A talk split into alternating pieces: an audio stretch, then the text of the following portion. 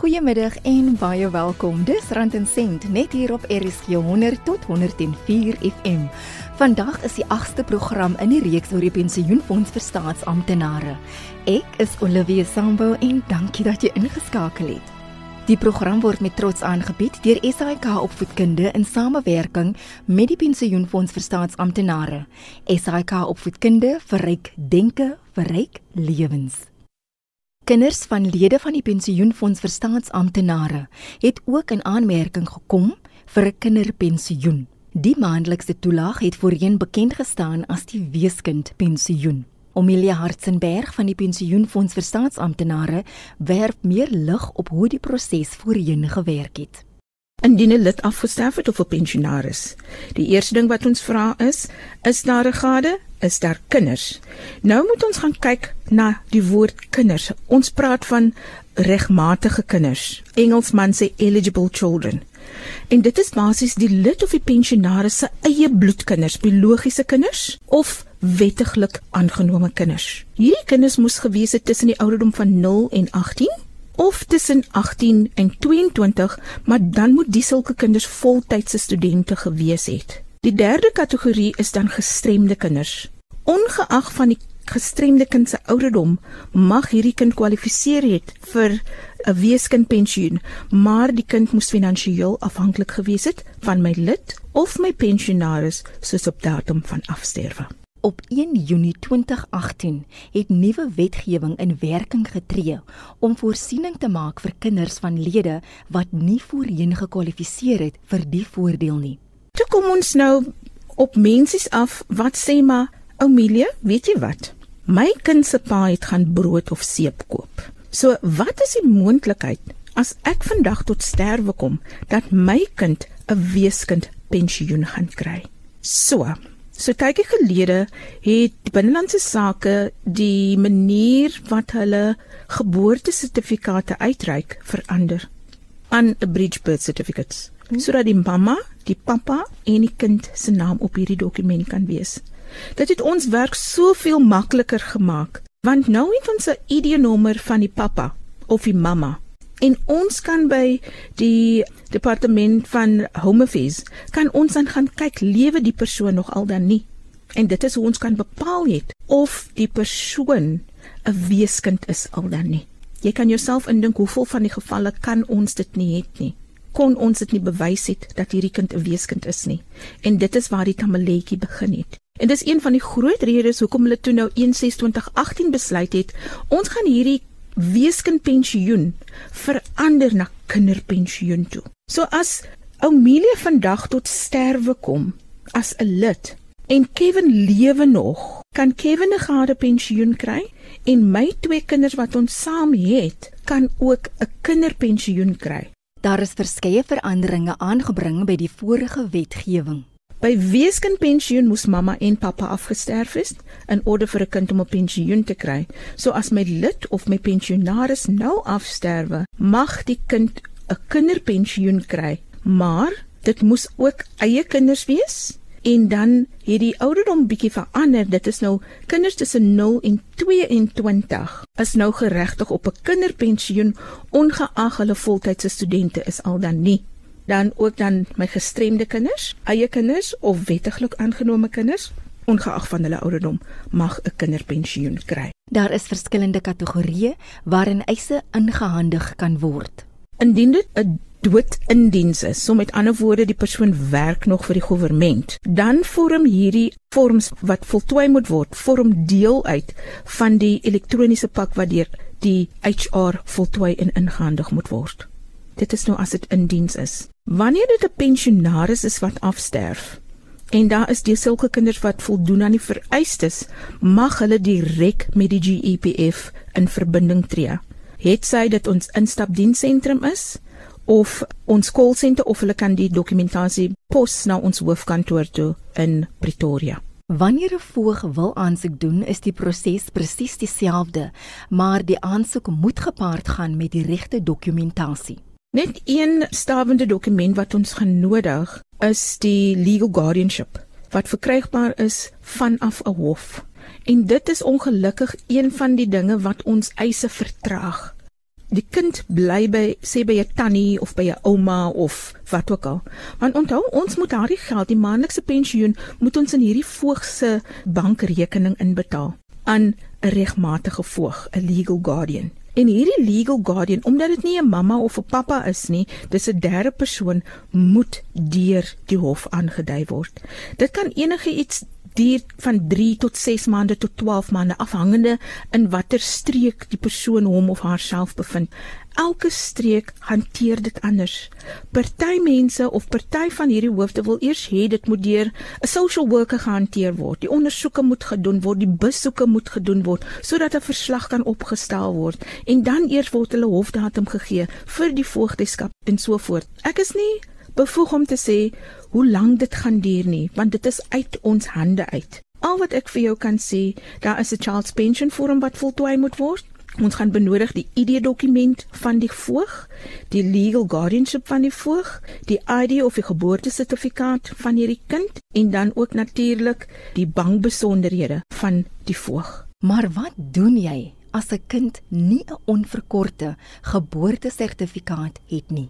Weet jy ons sal altyd mense aanbeveel om maar na home feste te gaan en aansoek te doen vir hierdie unabridged birth certificate. Ek dink dit kos iets soos R40 om dit gedoen te laat kry en dit vat ook nogal taamlik tyd. Maar soos ek vir jou sê, indien ons die um legal guardianship brief gekry het vanaf die hof, behoort dan nie probleme te wees nie. Na die eerste program van die reeks het ek e-posse ontvang van luisteraars wat bitter ontevrede was met die pensioenfonds vir staatsamptenare en veral die openbare beleggingskorporasie. 'n Kommissie van ondersoek is verlede jaar geloods om ongeremdhede binne die korporasie te ondersoek.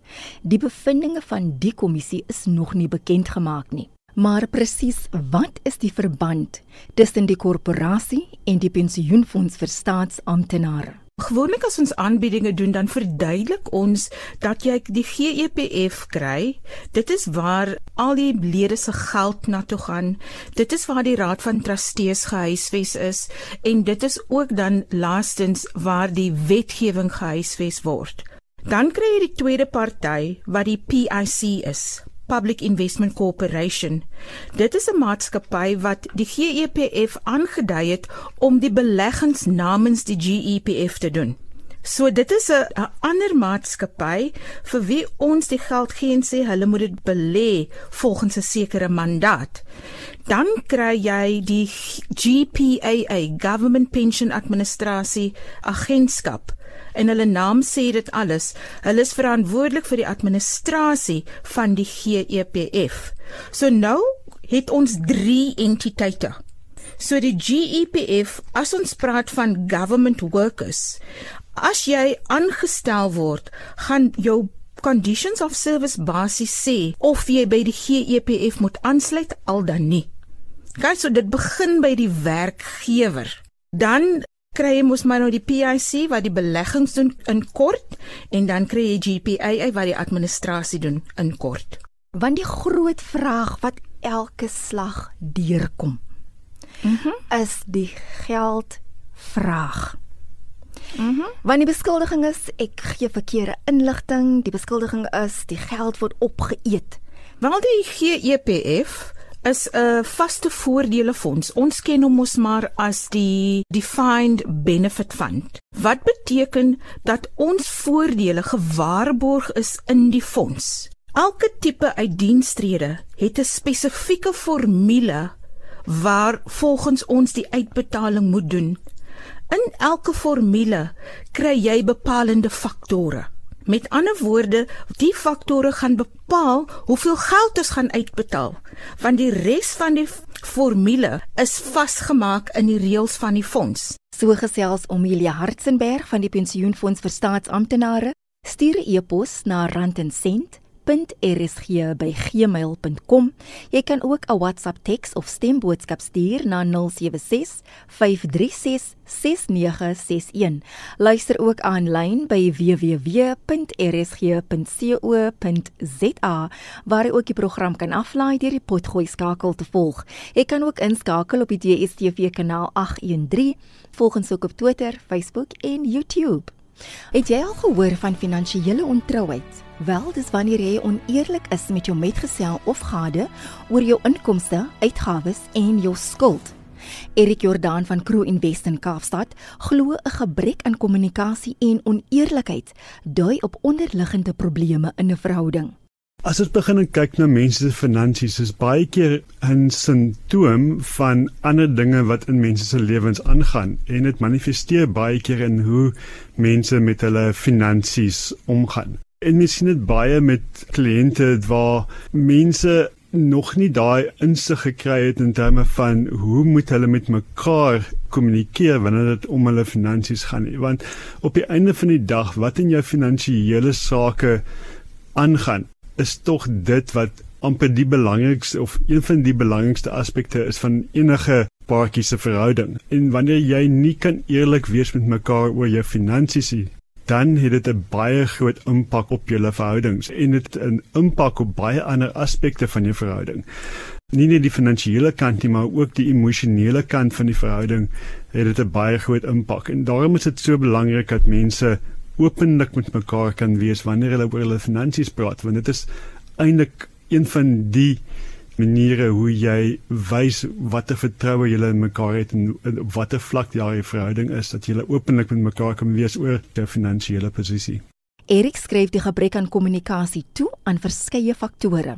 Baie keer is dit iets wat maar uit die verlede uitkom. Ek dink baie van ons het groot geword in huishoudings waar finansies nie werklik iets was wat bespreek was om die etenstafel om so te stel nie. Die broodwinner wat baie keer maar die man in die huishouding was, hy het dit beheer en dit was amper hy het gesien as sy verantwoordelikheid alleen om te kan sorg vir die familie en dit was hoe hy baie keer sy sy waarde gesien het in die verhouding. In daai omstandighede het baie verander tot waar ons so heidaglik is. Op die oomblik het ons in meeste situasies gesinne is dit beide die man en die vrou wat beide werk, beide bydra tot die huishouding En mense is ook besig om anders te kyk na die waarde wat elkeen van daai partye in die verhouding bydra tot die huishouding. So dit is nie net die finansiële aspek daarvan nie, maar ook die finansiële ondersteuning of die emosionele ondersteuning en natuurlik die versorging van kinders ensovoorts. So mense is besig om baie meer waarde aan daardie aspekte van die verhouding nou ook te ag. En,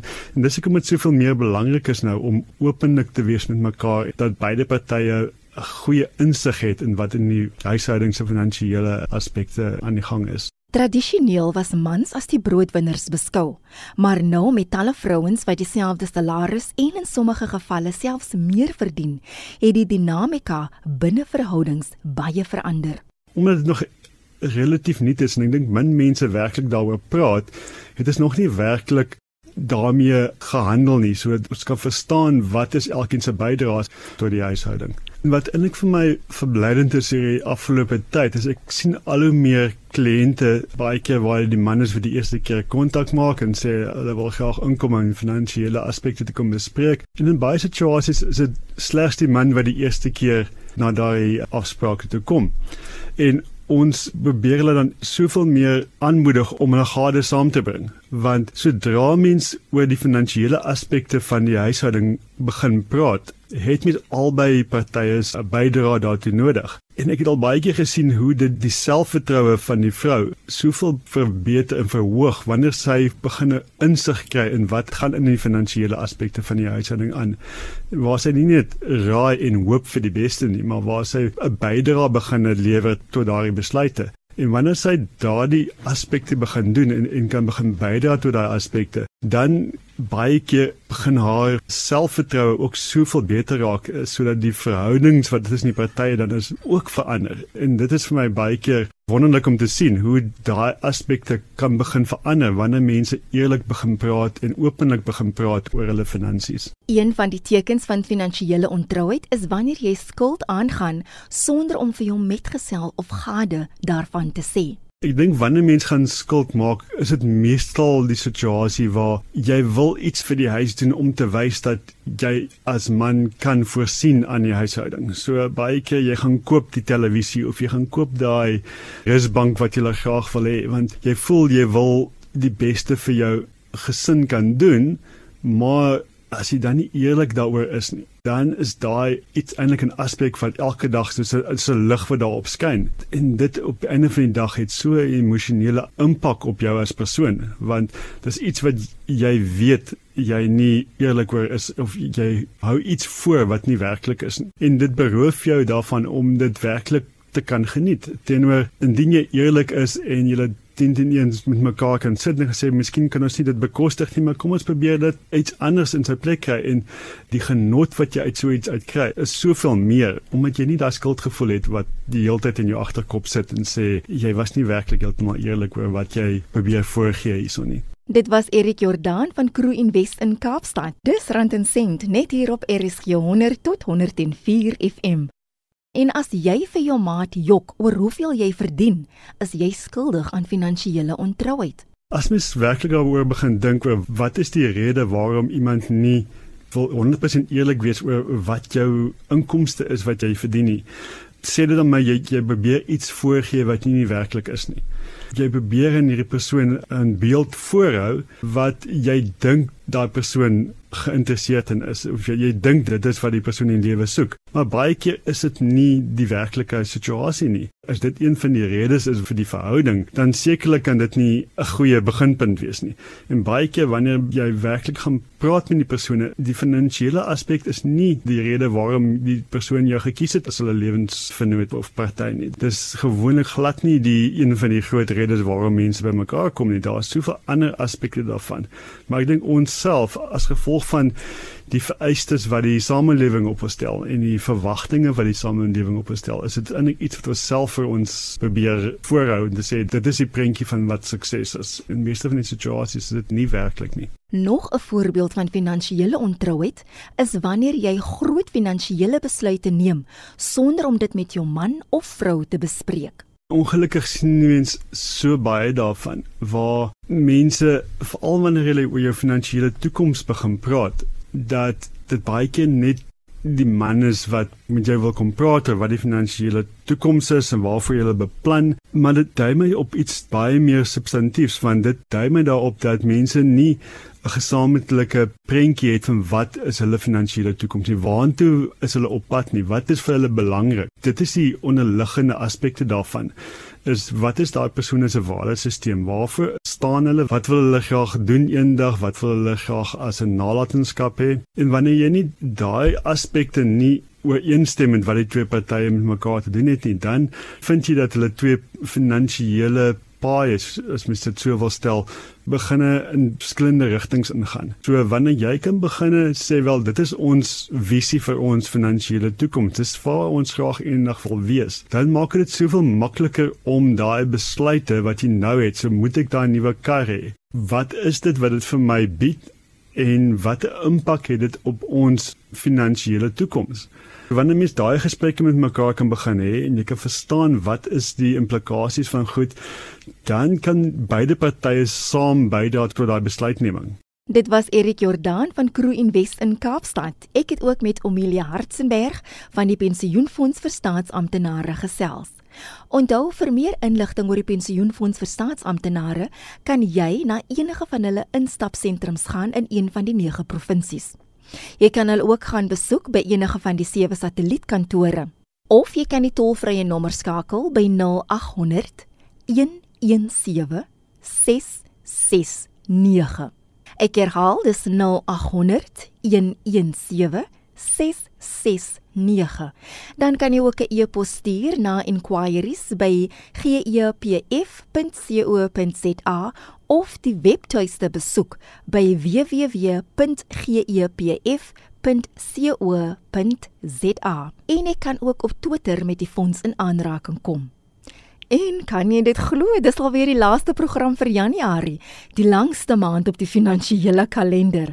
So dis tot sins van my Olivia Sambo tot volgende Sondagmiddag om 4uur hier op Rand en Sent RSG 100 tot 104 FM.